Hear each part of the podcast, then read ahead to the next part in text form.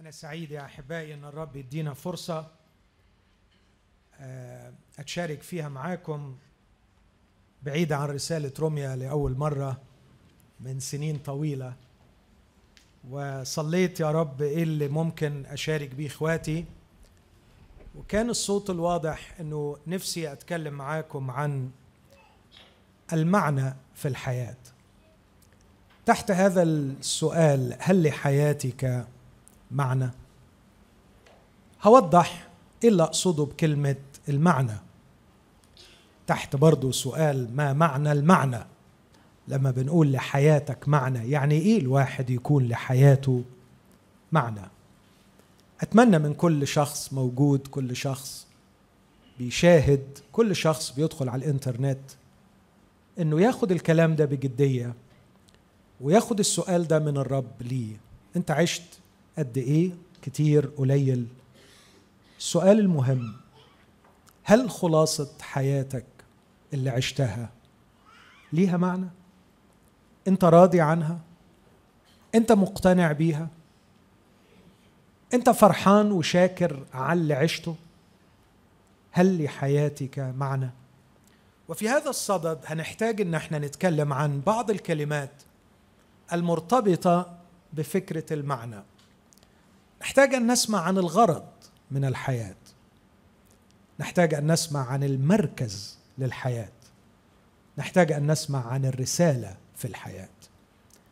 أعتقد الأربع كلمات في غاية الأهمية لكل شخص يتناول الحياة الروحية بجدية. معنى الحياة غرض الحياة مركز الحياة ثم رسالة الحياة. أكيد كل كلمة منهم محتاجة وقفة طويلة.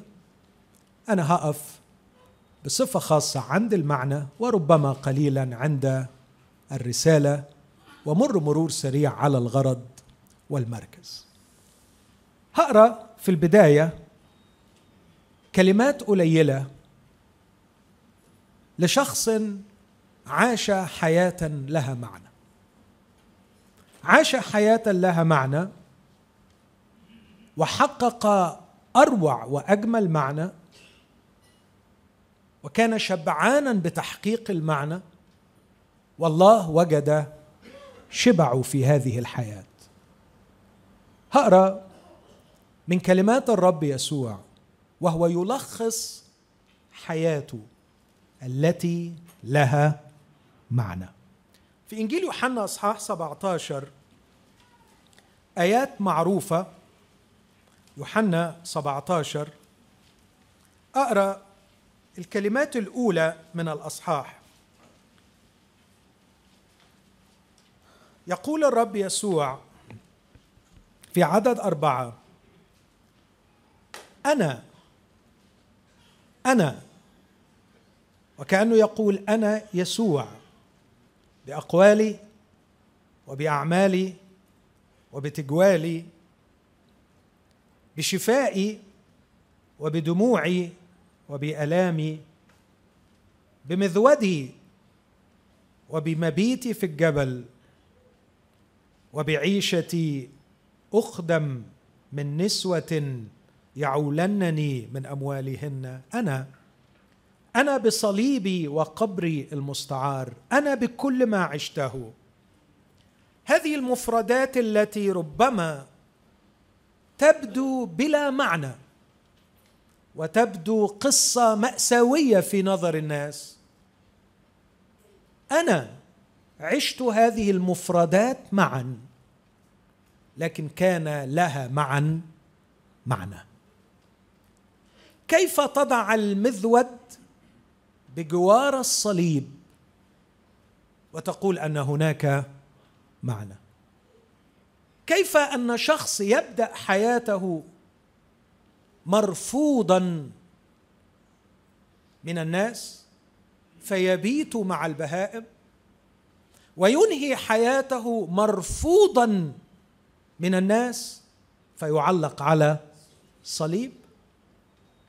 وهذا الشخص تراه مكتفيا سعيدا فرحا شبعانا حتى أنه يصف حياته بهذا الوصف. أنا. أنا بقسوة الظروف التي عشتها. مش مهم كان فيها إيه. مش مهم كانت مفرداتها إيه. لكن المهم معناها إيه. معناها إيه. لم يولد سليمان في مذود. ولم ينتهي سليمان على صليب.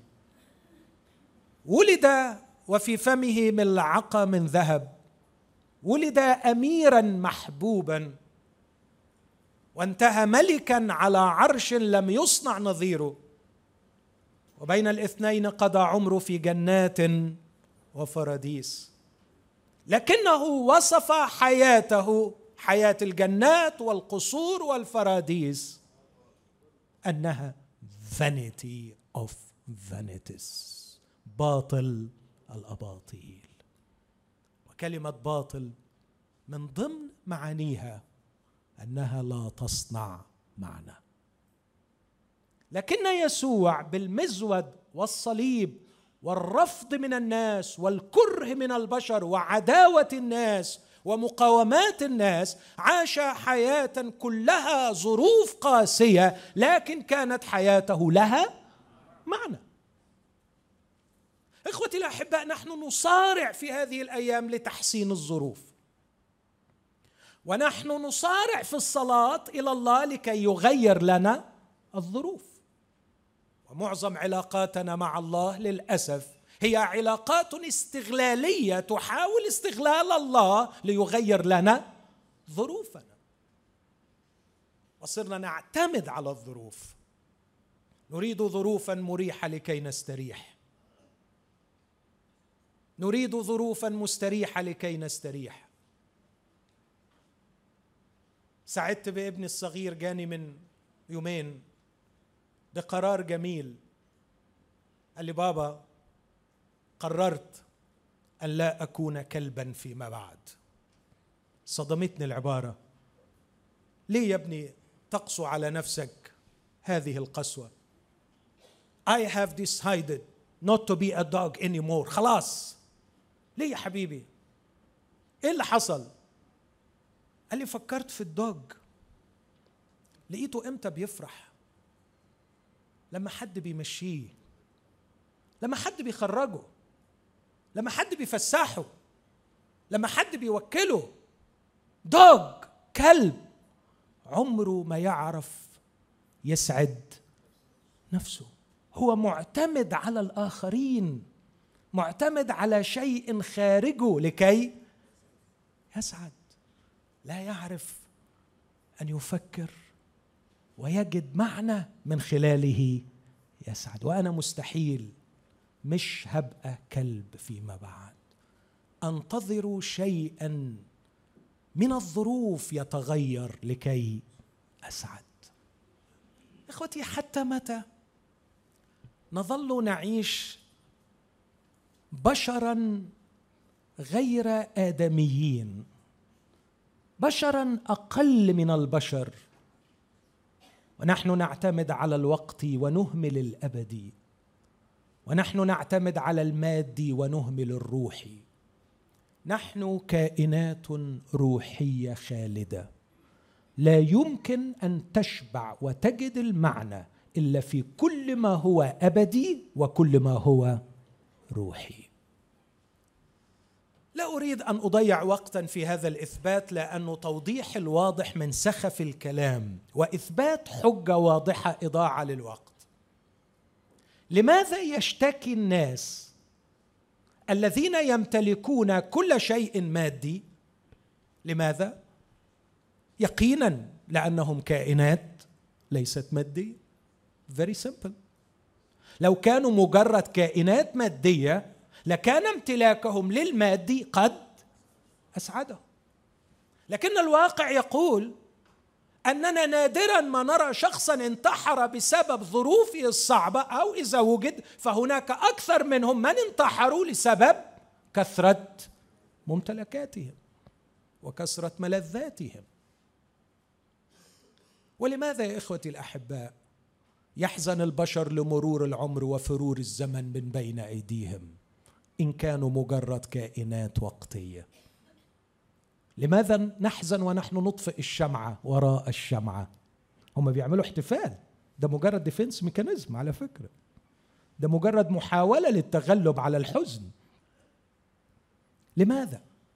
إن كنا كائنات مؤقتة زائلة لماذا نحزن عندما يجري قطار العمر؟ نحن كائنات أبدية خالدة.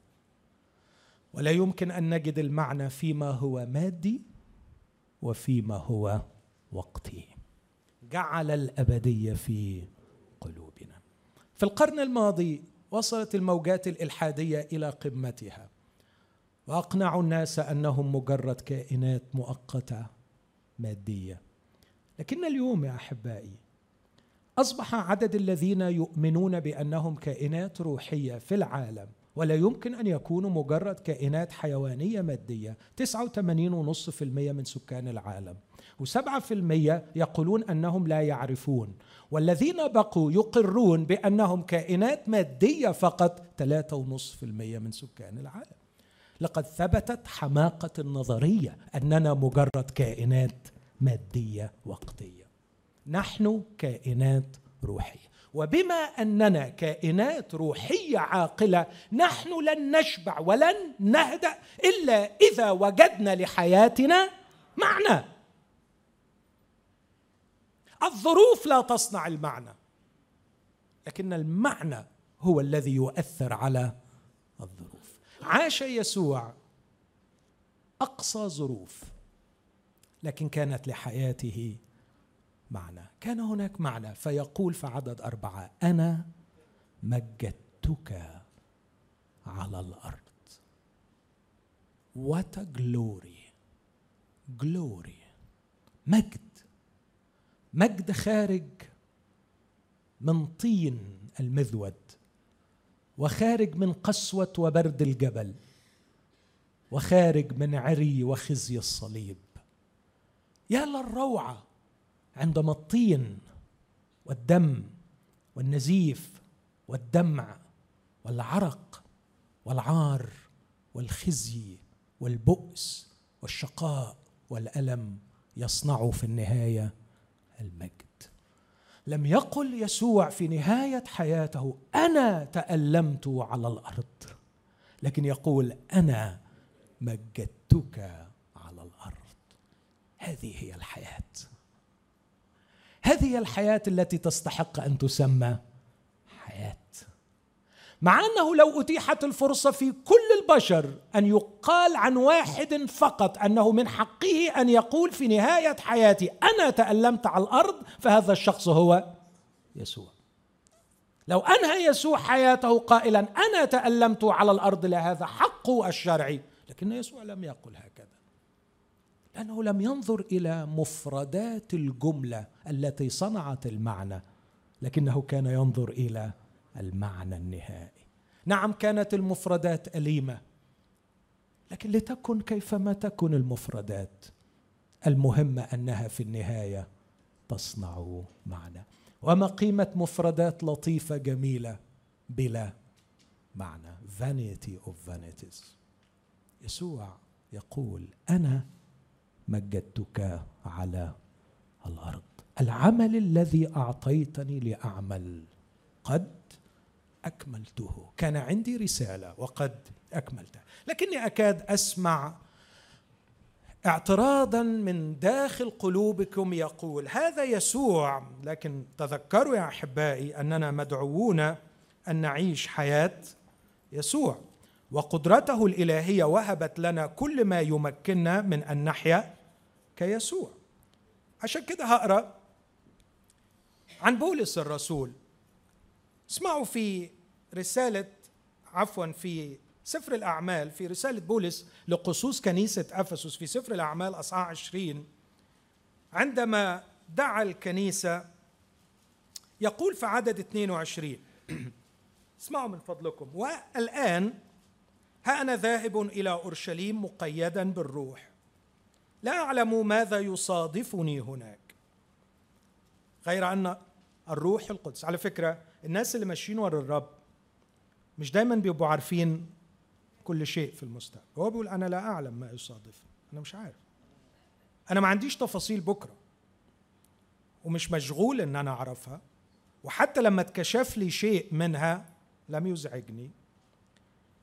لكن الروح القدس بيشهد في عدد 22 يقول غير أن الروح 23 غير أن الروح القدس يشهد في كل مدينة قائلا إن وثقا وشدائد تنتظر. اسمع عدد 24 من فضل. ولكنني لست يا للجمال يا للرأس الشامخ والقلب الثبيت. يا للخطى الواثقة والعيون المكتحلة الرائعة التي ترى رؤيا القدير. يا للجمال يا للجمال. وثقا وشدائد تنتظرني لكني لست أحتسب لشيء.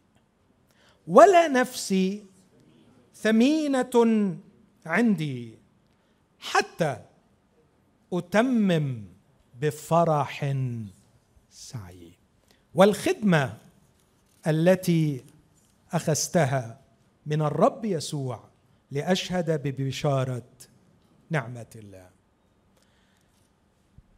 أنا عايز ألفت النظر أتمم أتمم إن الجملة ناقصة. ولا يمكن أن أتركها ناقصة. لا بد أن الجملة تكتمل. لكي يكون هناك معنى. وقد تكون الجملة سوف تكتمل بقدر من الألم فليكن لأنه ليس المهم عندي أنه ألم أو غير ألم المهم عندي أن الجملة تكتمل. أريد أن أتمم بفرح سعي ماي كورس مشواري. رسالتي. الدور الذي لي في الحياة لأتممه والذي عندما أسلك فيه وأتممه يصنع في النهاية لحياتي معنا. إخوتي الأحباء أنا أرى بينكم شبابا وأناشدكم من كل قلبي أيها الشباب.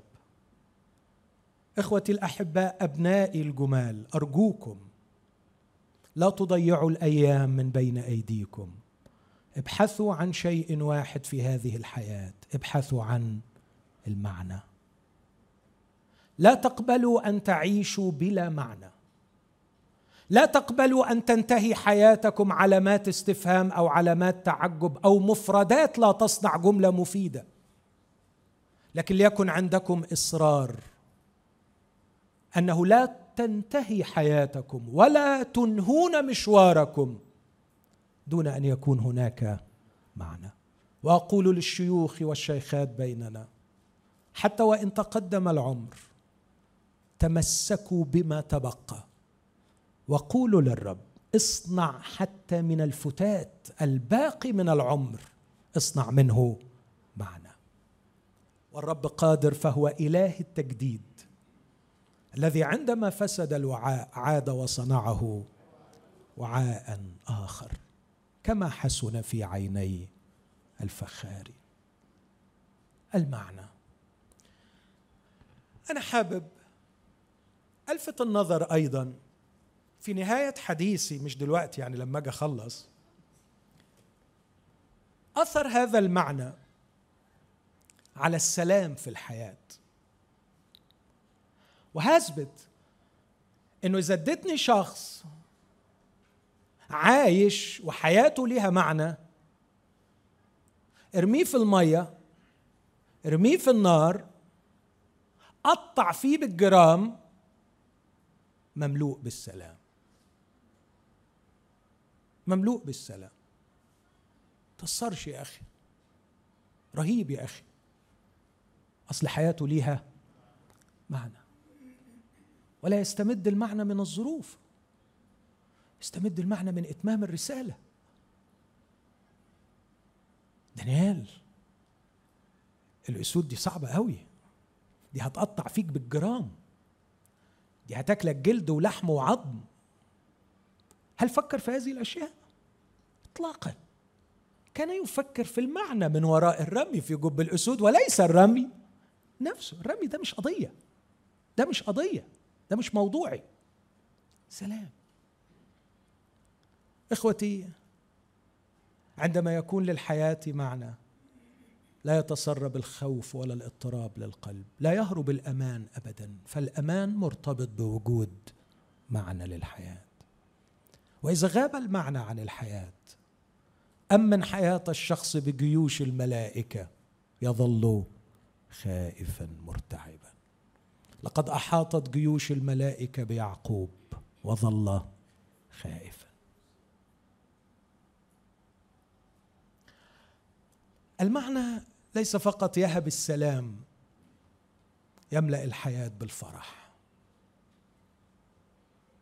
وما أدراك فرح الرب؟ فرح الرب.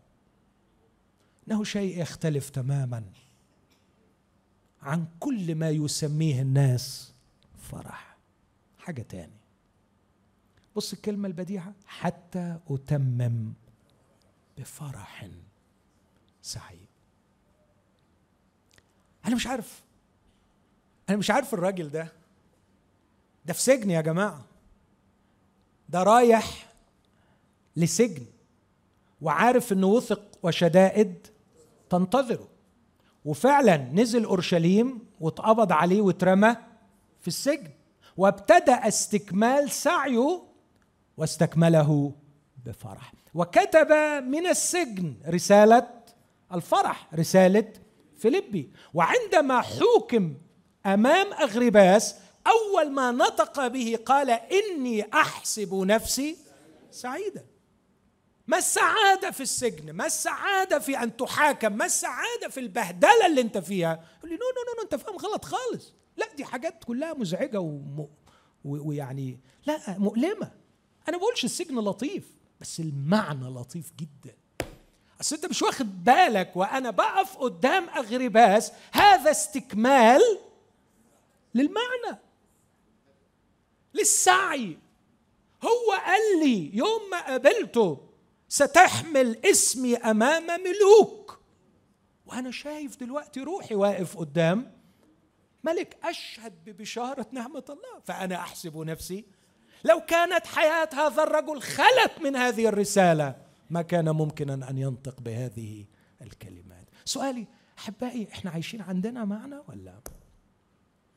كتير وأنا بعالج الأجساد والنفوس. بنصلح في الجسم نصلح في الجسم ونظبط فيه ونصلح في الجسم ونظبط فيه وأحيانا نصلح في المزاج ونظبط فيه وأحيانا نصلح في الدماغ. ونظبط فيها. ببقى بسأل نفسي سؤال.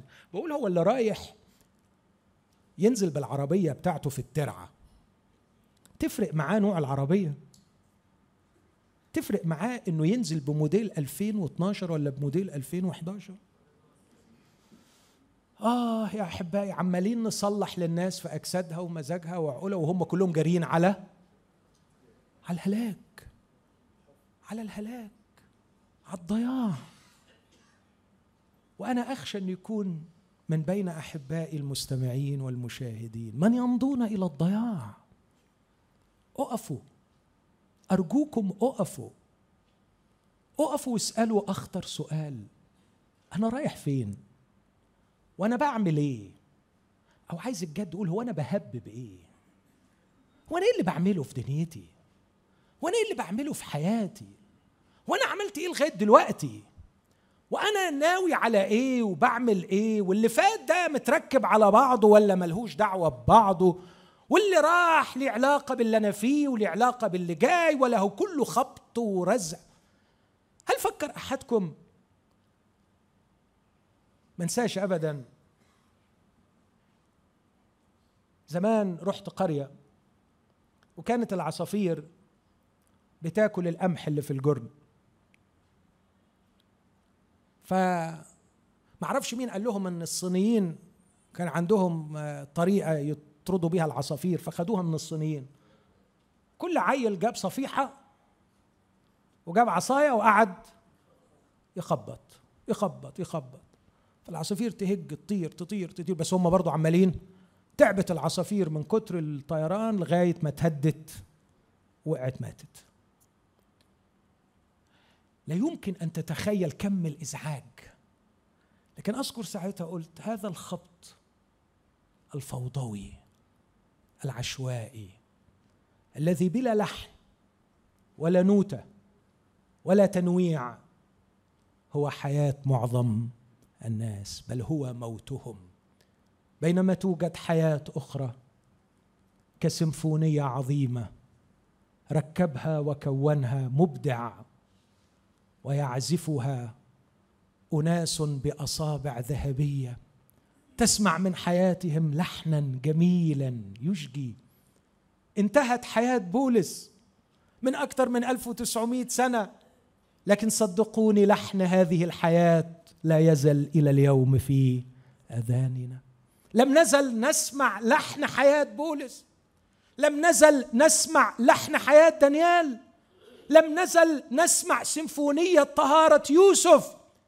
لم تزل أغنية ولحن اسم يسوع اللي قلنا له اسمك لحن الألحان يا يسوع. هذا اللحن الذي يملأ الدنيا سعادة وفرحا إلى اليوم. وإلى اليوم لم نزل نكتئب عندما نسمع أسماء أخرى لأن حياتها أو بالحر موتها كان خبطا فوضويا عشوائيا يقتل ويصم الأذان. لم تزل أسماء كهتلر وموسوليني وغيرهم.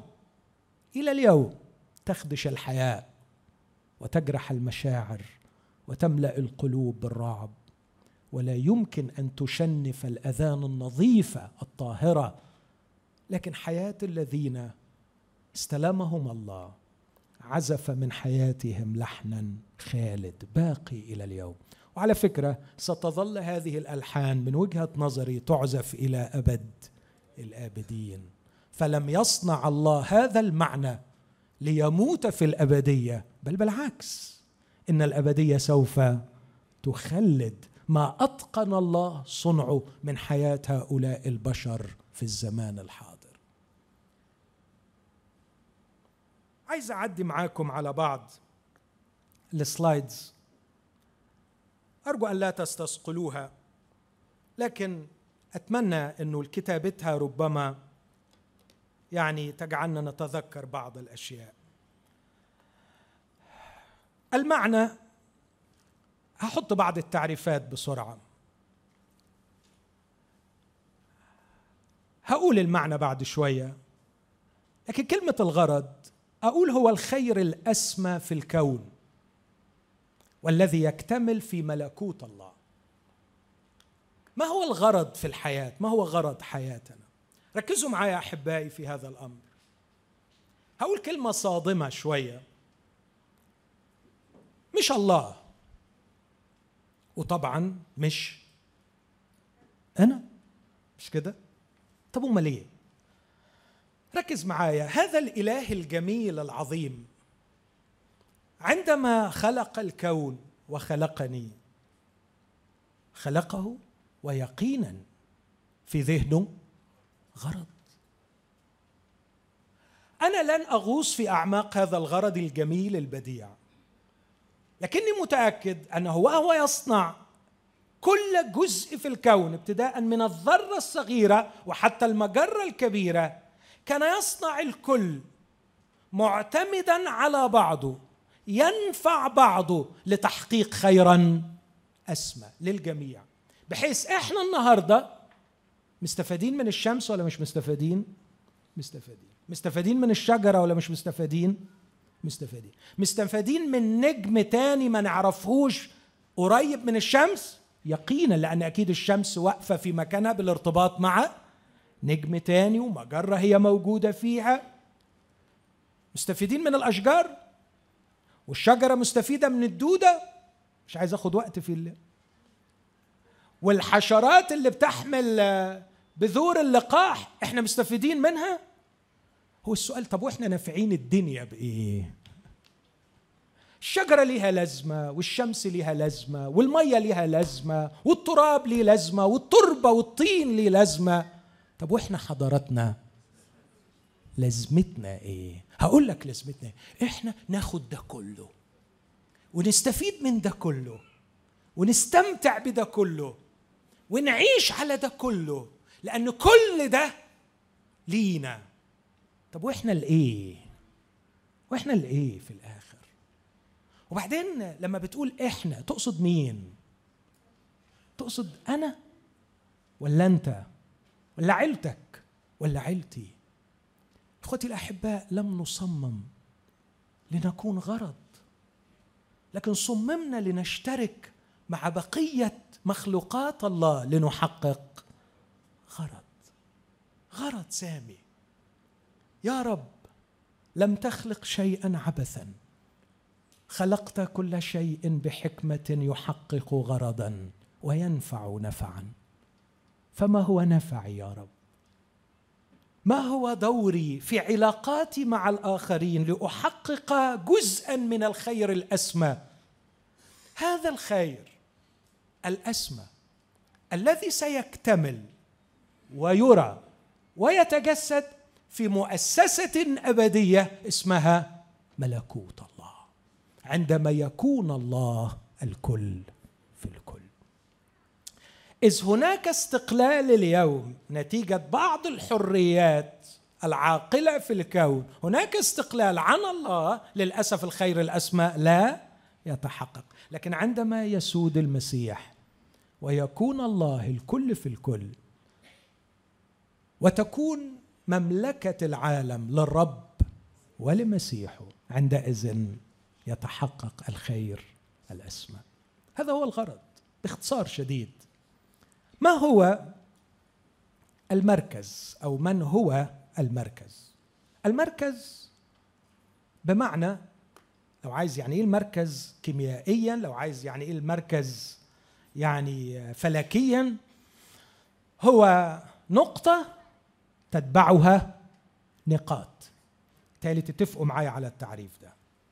لما نتكلم عن مركز إحنا بنتكلم عن تبعية. تبعية. والله المبدع الحكيم لم يترك كونه الفسيح بلا مركز. صنع للذرة مركز هو النواة وصنع للمجرة مركز وصنع للمجموعة الشمسية مركز وصنع للخلية الحية مركز وصنع للكون كله مركز.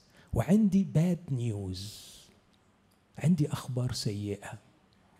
إن حضرتك مش المركز. شفت المصيبة السوداء؟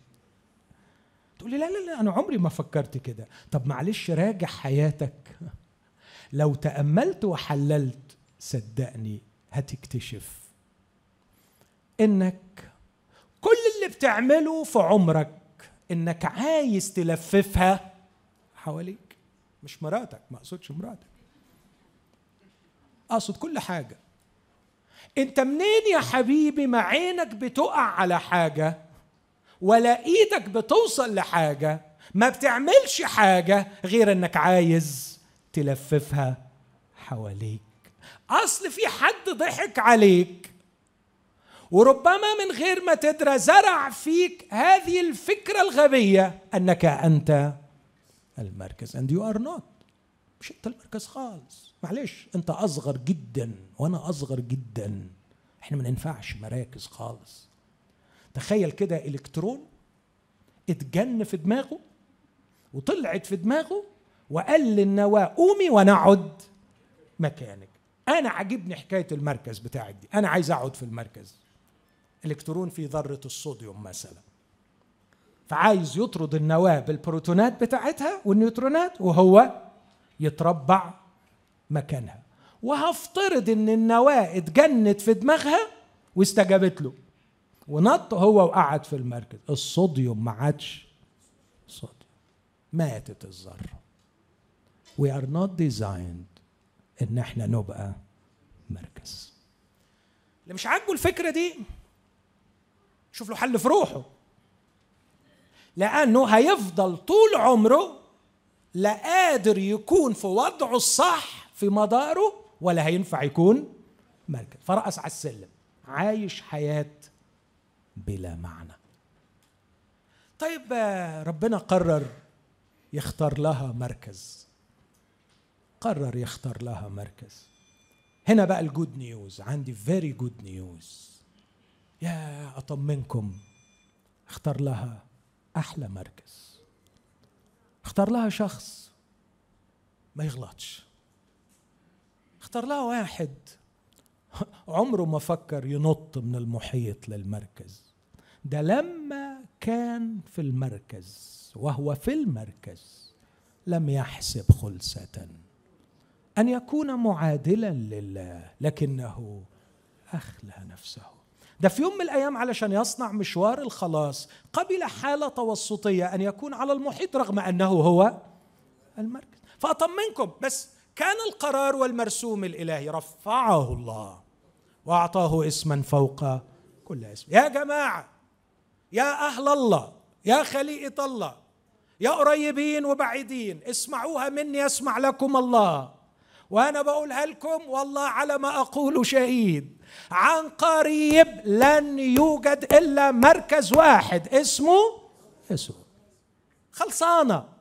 هذا هو القرار النهائي هذا هو المرسوم الأزلي الأبدي هذا هو قضاءكم وقدركم. قبلتموه أو رفضتموه المركز عن قريب في كل الكون هو يسوع ويسوع وحده يكون الرب وحده واسمه وحده. ولن يكون هناك اسم آخر سوى اسم يسوع. يجمع كل الأشياء ما في السماوات وما على الأرض في ذاك. ذاك يسوع الذي فيه نلنا نصيبا معينين سابقا. إذا اقتنعت أن يسوع هو المركز فلا يليق بك من تصرف إزاء المركز إلا التبعيه يا صديقي إذا اقتنعت أن يسوع المركز ما تعملوش حفلة من فضلك. على فكرة هو مش ناقصه حفلات. وعلى فكرة الحفلات الهزء بتاعتنا دي ما تملاش دماغه. وهو قريب جدا هتتعمل له حتة حفلة حضرتك ولا يمكن تتخيلها. هيسمع صوت في السماء والأرض وحاجة رهيبة طوبى للمدعوين إلى عشاء عرس. هتتعمل له الحفلات اللي بحقيقة وبعدين اللي هيعملها له هو ربنا. الله هيعمل له الحفلة. طب أمال يسوع كالمركز عايز إيه؟ تبعيه عايز تحتفل بيه؟ اتبعه. عندما كان على الأرض يجول في شوارع الجليل كان يوجه أمرا واحدا لكل من يحبه. بعني. بعني. حتى مش يخدمني. اتبعني. آه يا أحبائي كنت أقرأ بحثا كتبه شخص رائع اسمه لي ستروبل واحد من أشهر الملحدين المعاندين للمسيح لكنه آمن بالرب يسوع. سجل اختباره بهذه الطريقة التي مست شغاف قلبي بعمق وأثرت في ولا يمكن أن أنسى لعبارة غريبة. هو بيقول إنه في يوم من الأيام جاءتني امرأتي بأسوأ خبر في حياتي أنها صارت من أتباع يسوع المسيح. هو لما قال الكلمة دي أنا الأول يعني قلت طب ليه ما قالش إن مراته قالت له أنا بقيت مسيحية أو آمنت بالمسيح أو ليه قال من أتباع يسوع المسيح؟ استكملت القراءة فقرر أن يطلقها بس قال بالمناسبة أنا صحفي ومحامي فأجعل هذه خبطتي العظمى في الحياة. فقبل ما أطلقها عشان أبقى فير وقبل ما أعذب العيال أقضي سنة أدرس فيها قضية يسوع المسيح بأدلة تاريخية منطقية بحتة لكي أثبت تفاهة هذه القصة وحماقة أتباع يسوع المسيح وبعدين أطلقها فيبقى ضميري مرتاح إني طلقتها لسبب جهلها وحماقتها. والقضية ما خدتش منه سنة خدت منه 18 شهر. وقال وبعد 18 شهر انتهت القضية بإني بقيت follower to Jesus Christ صرت من أتباع يسوع المسيح. ما مس شغاف قلبي؟ أنني في ذلك اليوم صليت وقلت له يا رب أرجوك علمني من اليوم أن لا أقول أني مسيحي أو أني مؤمن لكن ساعدني أن أقول بأمانة إني أتبعك. إني تلميذك أتبعك أتبعك.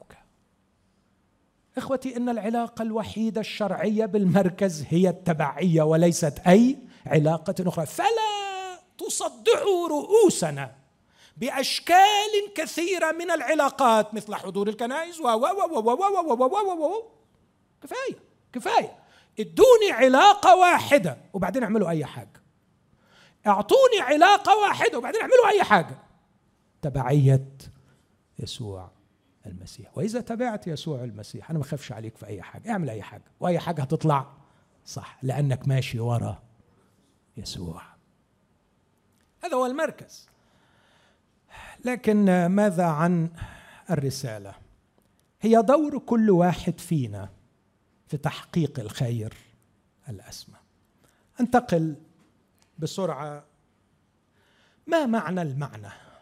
عمال أقول المعنى في الحياة. كيف وجد المفكرون العظماء في هذه الحياة المعنى؟ يعني إيه؟ يعني على فكرة عايز أطمن بس حد فيكم ما سألش السؤال ده لنفسه؟ هو إيه معنى حياتي؟ طب أقول العكس. كم واحد سأل نفسه السؤال ده في يوم من الأيام؟ إيه معنى حياتي؟ ممكن نرفع إيدينا كده. الله يفتح عليكم طمنتوني. أنا كنت فاكر إن السؤال ده بيسألوه الكبار بس في أزمة منتصف العمر مثلا. الناس لما تعجز لما تصاب بمشكلة. لكن يوم الخميس الماضي كنت في كنيسة اسمحوا لي لا أذكر اسمها وفي اجتماع للشباب في منطقة يعني بسيطة. كان فيها مش أقل من 700 شاب وشابة.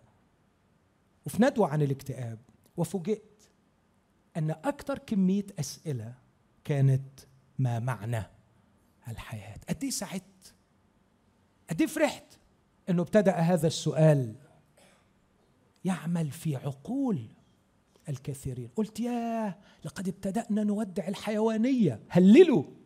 هللوا! لقد بدأنا نتساءل عن المعنى معنى الحياة. الناس اللي بتفكر عظماء المفكرين في العالم فكروا في معنى حياتهم. فأنا أقول لكم بعض الحاجات اللي قالوها.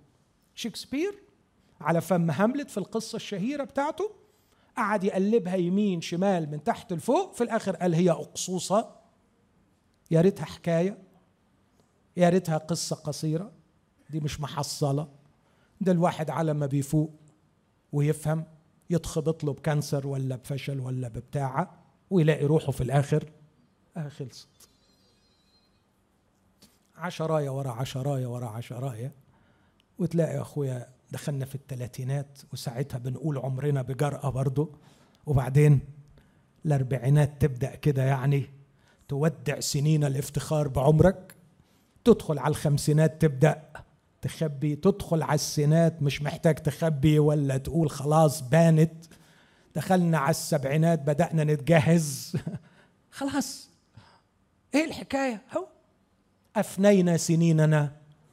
فالراجل قال لك هي مش محصلة قصة. دي هي. بس مش مشكلة طولها ولا قصرها.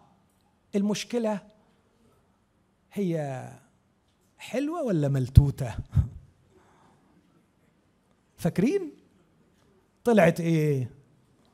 دي طلعت ملتوتة بطين بعيد عنكم. ده قال لك أقصوصة يرويها تخيل تخيل لما العمر والحياة والتعب والعلم والفلوس والمجهود والأكل والشرب والعلاج والخناقات والصراعات تطلع في الآخر مش محصلة حكاية واللي بيحكيها واحد أحمق مأساة مش كده؟ طب شوف التاني ده بقى ده راجل من الشعراء اللي بحبهم جدا مرة بقرا لابني شعره بعد ما خلصت قال لي هو انتحر ولا لسه؟ من زمان لرمنتوف الشاعر والمفكر الروسي. بيقول تسألني من أنت؟ أقول أنا القوي الأعرج. أنا القادر على تحقيق كل شيء لا قيمة له. أنا الذي أملك قوة أملك قوة تنقلب ضدي. أنا صاحب السهام المرتدة. لقد عجزت تماما عن اكتشاف رسالتي في هذه الحياة. أنا الذي لا أكف عن الكلام. لكن ما المعنى؟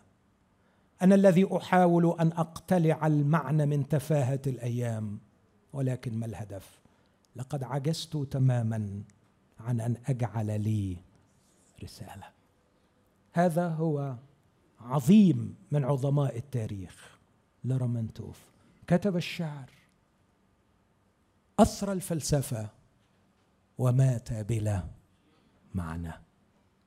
لكن بولس في نهاية حياته جاهدت الجهاد الحسن.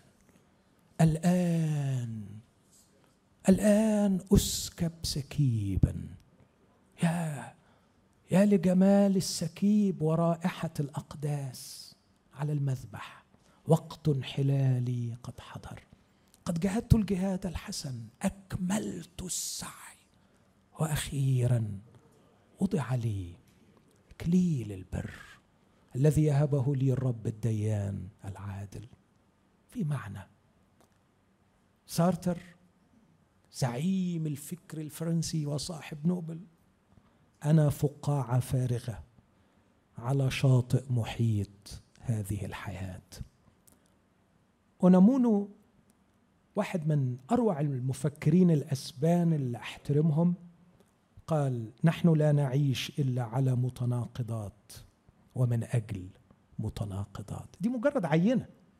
لكن لو استرسلت هتلاقي أنهم اتفقوا في شيء واحد على الرغم من اختلاف مشاربهم ومصادرهم وخلفياتهم أنهم لم يجدوا المعنى.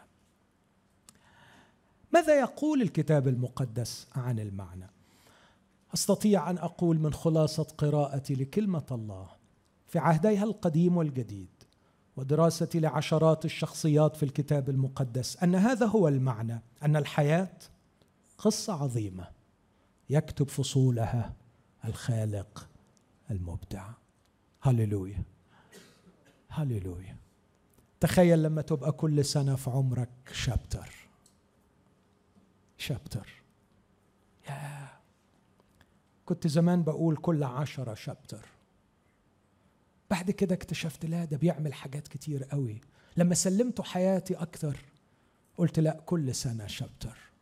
إخوتي الأحباء صدقوني اليوم أقول كل يوم شابتر. كل يوم فصل في القصة. جرب. أوعى تفهمني غلط. الكلام ده مش لكل المؤمنين. لمن يسلمونه الحياة. لمن يتبعونه بإخلاص. إنه لن يقتحم حياتك ابدا ولن ابدا يجبرك على أن يكتب لك فصولها. لابد أن تسلمها له ولابد أن تنتظره من يوم إلى يوم. ليكتب ليكتب ليكتب. وإذا سلمته ستكتشف أن القصة تصبح أروع وأروع. وأنك ستجد نفسك تأخذ شهيقا عميقا بإعجاب وانبهار كلما قرأت فصلا من فصولها أي كلما تأملت يوما من أيام الحياة. خالق مبدع له فرصة. بعد ما خلص الكون وما عندوش دلوقتي مجرات بيعملها ما أعتقدش إنه قاعد بيعمل مجرات في حتة تاني ولا حد عنده فكرة في الموضوع ده. يعني اللي, اللي عنده فكرة يقول لي أنا مش ممانع يعني. إنه عمال يعمل مجرات. أنا أعرف إنه قاعد يعمل حيوات مش حيوانات لكن جمع حياة. عمال عمال يألف دي ويألف دي. بناء على إيه؟ أنا عندي آية بقى. لأننا نحن عمله. his masterpiece قاعد يألف بقى. يركب لك دي مع دي ودي مع دي والإيميل ده مع التليفون ده مع المقابلة دي مع القصة دي مع الحكاية دي مع الزعلة دي مع الوقعة دي مع الفرحة دي مع العطية دي مع الإحسان ده مع الخصم ده مع الخسارة دي. قاعد يا أخي ما تعرفش إزاي عمال يبدع ويألف ويكتب وكل يوم ينهي شابتر. هذا هو المعنى أن تكون سلمت حياتك للخالق يكتب فصولها. لكن لسه عايز أقول ما المعنى؟ من وجهة نظري أن تكون حياتك جملة مفيدة لها معنى. أنت تفهمه مهم قوي على فكرة. مهم قوي مش إنك تبقى فاهم كل حاجة. بس تبقى فاهم إنك في خطته. تبقى فاهم إنك في رضاه. تبقى فاهم انك معاه. مهمة قوي دي. في حاجات كتيرة قوي ما فهمهاش. بس على الأقل حاجة واحدة فهمها كويس. إني معاه وبين إيديه. جملة مفيدة. لها معنى. أنت تفهمه. وتقنع به. وغيرك يتأثر به. وينتفع منه. لا أعرف حياة لها معنى. عاشت من أجل نفسها. لا أعرف حياة لها معنى لم تؤثر في الآخرين. تعرف لما أقول تؤثر؟ الحضور نفسه يؤثر. الإيثوس الروح. يعني تقعد معاه تتأثر. هو لسه ما اتكلمش. بس في حاجة. في حاجة فعلا. وحياته بتنفع الآخرين. هذه هي الحياة التي لها معنى. هذا لن يتحقق إلا بالعيش. اسمع بقى بربط كل الكلام ببعضه. المعنى لا يتحقق إلا بالعيشة من أجل الغرض اللي عرفناه الغرض الصحيح. وبالتبعية للمركز الصحيح اللي عرفناه وإتمام الرسالة الصحيحة. لو حضرتك بتتبع الطائفه بتاعتك فضك من اللي أنا بقوله ده كله. لو حضرتك بتتبع قائد من البشر انسى اللي أنا قلته ده كله. لو حضرتك عايش من أجل عقيدة معينة أنت مالكش دعوة بالحكاية اللي أنا بحكيها دي خالص. لكي يكون لحياتك معنى تعيش من أجل الغرض الصحيح وتتبع المركز الصحيح وتتمم الرساله الصحيحه مش بتاعت غيرك مش بتلعب دور غيرك مش عجبك دور فلان فبتعيشه لكن بتعيش رسالة. ورسالتك مش يعني خدمتك رسالتك يعني أب وزوج موظف ومواطن رسالة. رسالة دي حاجة كده باكج بس مش موضوعي دلوقتي. من يصنع المعنى في حياتك؟ أنا طبعا. ينفع؟ لا لا لا, لا. دي كبيرة عليا. مش عارف ده خبر كويس ولا خبر وحش؟ كويس. أهو ده اللي نفسي أوصله الليلة. أحبائي أرجوكم صدقوني. يا إخوتي من فضلكم لأني بحبكم ببلغكم هذا الخبر. إحنا أضعف وأصغر وأجهل من أن نجعل لحياتنا معنى عشان كده هقول عبارة مهمة. أنت قد تصنع أحداث لكنك لا تستطيع أن تصنع المعنى. انت ممكن تعمل احداث. انت انت ربنا ادالك امكانيات على فكرة. اداني امكانية اتكلم اداني امكانية أفكر اداني امكانية اعمل اداني امكانية اعطي اداني اداني اداني. دي احداث اعملها. بس انت محتاج حد. اسمعني في اللي بقوله ده. يظبط كمية الحدث والزمن الحدث وموقع الحدث عشان مع بقية الأحداث ومع بقية الأشخاص يعمل برافو عليك إن شاء الله تكون دي وصل وهذا يحتم التبعية الكاملة للمركز. مش الفكرة ما هو ياما ناس مصدعانة بالوعظ وياما ناس تعبانة بالخدمة.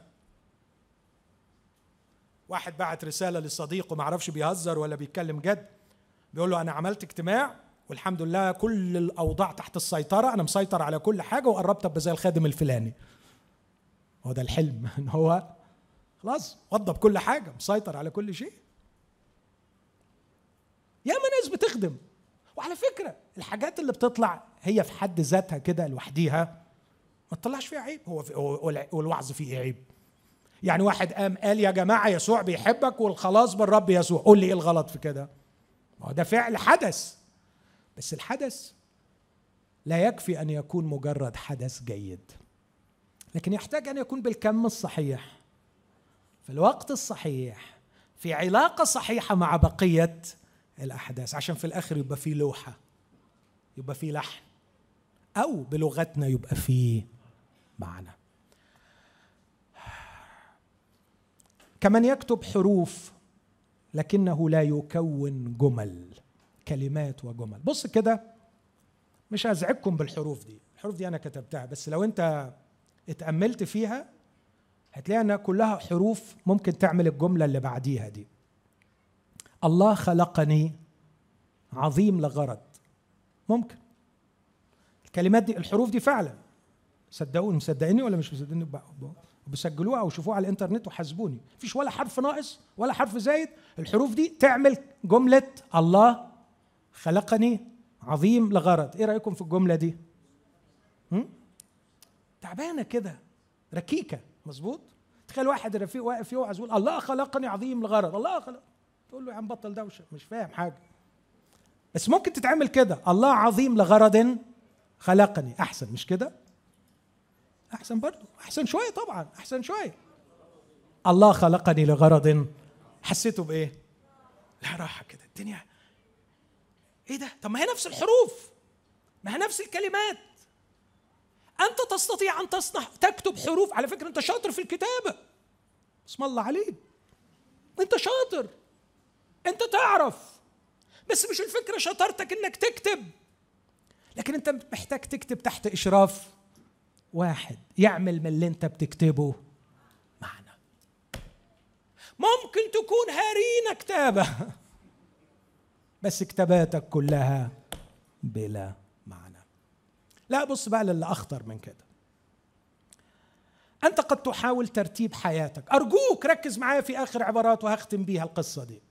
أنت قد تحاول ترتيب حياتك بالتحكم في ترتيب أحداثها. فتعكس المعنى بدلا من أن تحققه. حد فاهم اللي أنا بقوله ده؟ إن شاء الله. يا رب. عارفين اللي عايز يسوق؟ لا أنا عايزها تحصل النهارده. اصل لو حصلت بكرة لا. يعني قال هو بقى المخ بتاعه الجبار ده عارف. هي لازم عايز يتحكم فيها ويظبطها ويظبطها ويعملها كده ويعملها كده وفي الآخر يعك الدنيا. بص أوري لك المثل ده. أنا كتبته كده في القطر النهارده وأنا جاي لكن ربما يوضح الفكرة انظر لهذه الجملة التي أرسلها زوج إلى زوجته التي غضبت منه وتركت له البيت. الراجل مراته زعلت منه فسابت له البيت. فتأثر جدا وكتب لها الجملة دي. لا أطيق البعد عنك. فصلة غنيمة عظيمة وجودك في حياتي. مصيبة كبرى ابتعادك عني. أملي في الحياة رجوعك إلي. لا أحتمل. إيه المشاعر اللي جت عندكم دلوقتي؟ جميلة. رايت يعني متألمين مع الراجل. يا جماعة لازم نتألم بجد يبقى ما عندناش إحساس يعني. الراجل موجوع جدا. نفس الكلمات نفس الجملة أنا مش هغير فيها ولا كلمة. ولا الترتيب. هغير الكومز بص كده بقيت إيه؟ لا أطيق البعد عنك غنيمة عظيمة. وجودك في حياتي مصيبة كبرى. ابتعادك عني أملي في الحياة. رجوعك إلي لا أحتمل. أنتوا واخدين بالكم؟ الجملتين قدامكم. في أي كلمة جت مكان كلمة؟ ها؟ واخدين بالكم؟ ولا كلمة جت مكان كلمة. هي بالظبط. الجملة هي هي لكن المعنى اختلف ولا ما اختلفش؟ ده اتدمر ده اتدمر ده اللي بتعملوه في حياتكم. ده اللي بنعملوه في حياتنا. لما بنحاول إحنا نوزع. لما بنحاول نوزع. هي دي تتوقف هنا ودي تبدأ هنا ودي تعمل هنا. لما بنحاول نوزع. آه لو كان هناك موسيقار عظيم. رفيق. يعني لو عمار الشريعي قاعد انت توزع يا رفيق؟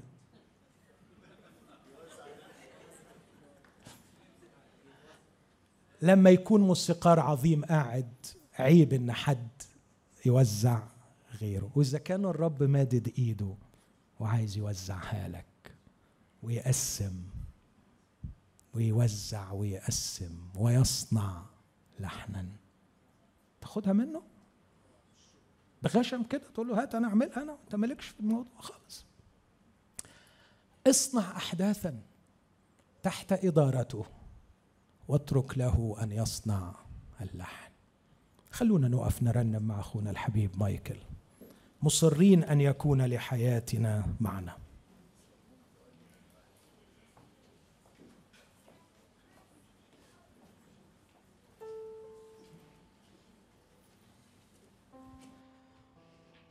يلي مش لاقي لحياتك أي معنى. أيوة عايش بس عيشة بطعم موت. بص للي قدم حياته عشان تعيش تعالوا نحط عينينا على المركز ونمسك فيه. دي الحياة من غير إلهك. ما تسويش ما تسويش. يلي مش لاقي لحياتك أي معنى. أيوة عايش بس عيشة بطعم موت كل ما تفوق من جراحك تلقى طعنة والصراخ مكتوم في قلبك ماله صوت.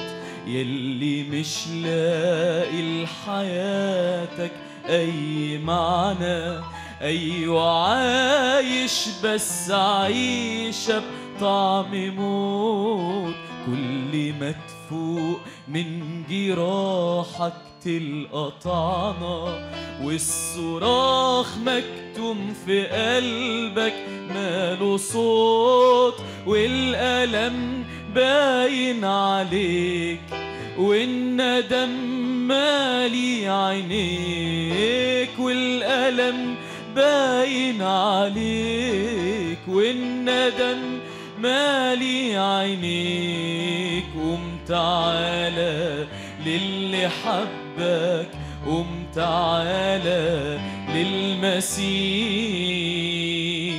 بص للي قدم حياته عشان تعيش. دي الحياة من غير إلهك ما تساويش. بص للي قدم حياته عشان تعيش. دي الحياة من غير إلهك ما تساويش. صدقني ما تساويش. يلي مش لاقي لحياتك أي معنى. أيوة عايش بس عيشة بطعم موت. كل ما تفوق من جراحك تلقى طعنة والصراخ مكتوم في قلبك ماله صوت والألم باين عليك والندم مالي عينيك والألم باين عليك والندم مالي عينيك. قوم تعالى للي حبك قوم تعالى للمسيح. محتاجين نعمل كده دلوقتي. كلنا إذا كنا في الاجتماع أو مشاهدينا تعالوا نيجي ليه. وامسك فيه افتكر إن هو المركز. مشكلتي ومشكلتك إن إحنا دورنا حوالين نفسنا. مشكلتنا إن إحنا فضلنا مركز نفسنا. وأنا حاسس إن الرب بالروح القدس النهارده بيكشف الحقيقة دي. قوم تعالى قوم تعالى للي حبك. عايش بس عيشه بطعم موت عايش مش عارف تعيش. عايش حزين. عايش يأسان مع إنك يمكن تكون في أعلى المناصب في أعلى المراكز بس مش حاسس بطعم ولا معنى للحياة. قوم تعالى للي حبك. قوم تعالى للمركز اللي تيجي وتترمي عند رجليه وتقول له أنت إلهي أنت سيدي أنت مركزي. أنت الغرض أنت الهدف. أنت الكل. أنت الكل. أنا نفسي تصلي معايا وأنت بتقول له سيدي ماذا تريد؟ اهدني حيث تريد. سيدي نفسي لديك عند موطئ قدميك. أنا جاي وبترمي عند رجليك وبتوب عن كل السنين اللي ضاعت وأنا المركز. بتوب عن كل لحظة افتكرت إن أنا معنى وأنا هدف وأنا مركز في حياتي. والمعنى كان ضايع. لكن أنا جاي عند قدميك وبقول لك ماذا تريد. سيدي نفسي لدي عند موطئ قدميك وحياتي في يديك فهي منك وإليك قل له ماذا تريد مني يا رب؟ سيدي ماذا تريد؟ اهدني حيث تريد. إنني لست أريد غير فعل ما تريد. ربي هبني. أمين أمين. كي أسير في خطاك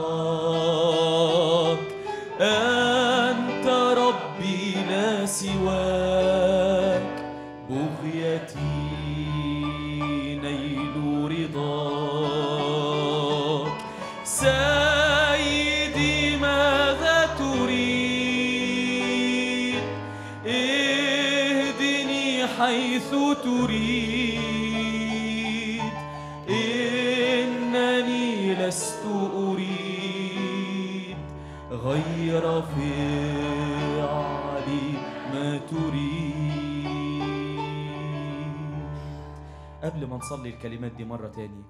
أنا نفسي ترفع قلبك للرب وتقول له ندمان يا رب. صدقني أنا جوايا الشعور ده. ياما ضيعت وقت وياما ضاعت سنين وأنا في تشابتر أنا اللي بكتبه. لكن تعالى نتحد في الكلام ده ونقول له أنت يا رب تعالى اكتب تعالى شكل تعالى اشتغل تعالى كون المحور كون المركز. كفاية دوران حوالين نفسنا. كفاية كلام وشكل وتقصية كفاية كفاية. تعالوا نعيش اليومين الباقيين بجد للرب. تعالوا نقول له أنت يا رب المركز. أنت لما تكون في المكان الصح هيكون لحياتي معنى. هعيش اليومين الباقيين وأنا حاسس إن في هدف بحققه في حياتي. أفكركم بالكلام اللي ابتدى بيه الدكتور ماهر مش هتخاف هتكون في سلام هتكون ماشي صلب ماشي مفيش حاجة تهزك ماشي مفيش قوة تأثر عليك. ماشي مفيش مش كلمة واحد تجيبك وتوديك لأن أنت عارف إيه الهدف عارف إيه المعنى عارف إيه اللي الرب عايزه منك. تعالوا نقول له مرة تاني ماذا تريد يا رب؟ اهدني حيث تريد إنني لست أريد غير فعل ما تريد. سيدي نفسي لديك عند موطئ قدميك. عند موطئ قدميك وحياتي في يديك فهي منك وإليك. قل له ماذا تريد؟ سيدي ماذا تريد؟ اهدني حيث تريد. لست أريد غير فعل ما تريد. هبني أن أراك. ربي هبني أن أراك. كي أسير في خطاك. أنت ربي لا سواك. ده هدفي. يلا نقول العدد ده مرة تاني. هبني أن أراك. ربي هبني أن أراك. عايز أعيش في رضاك يا رب. كي أسير في أمين أمين. أنت ربي لا سواك. بقيتي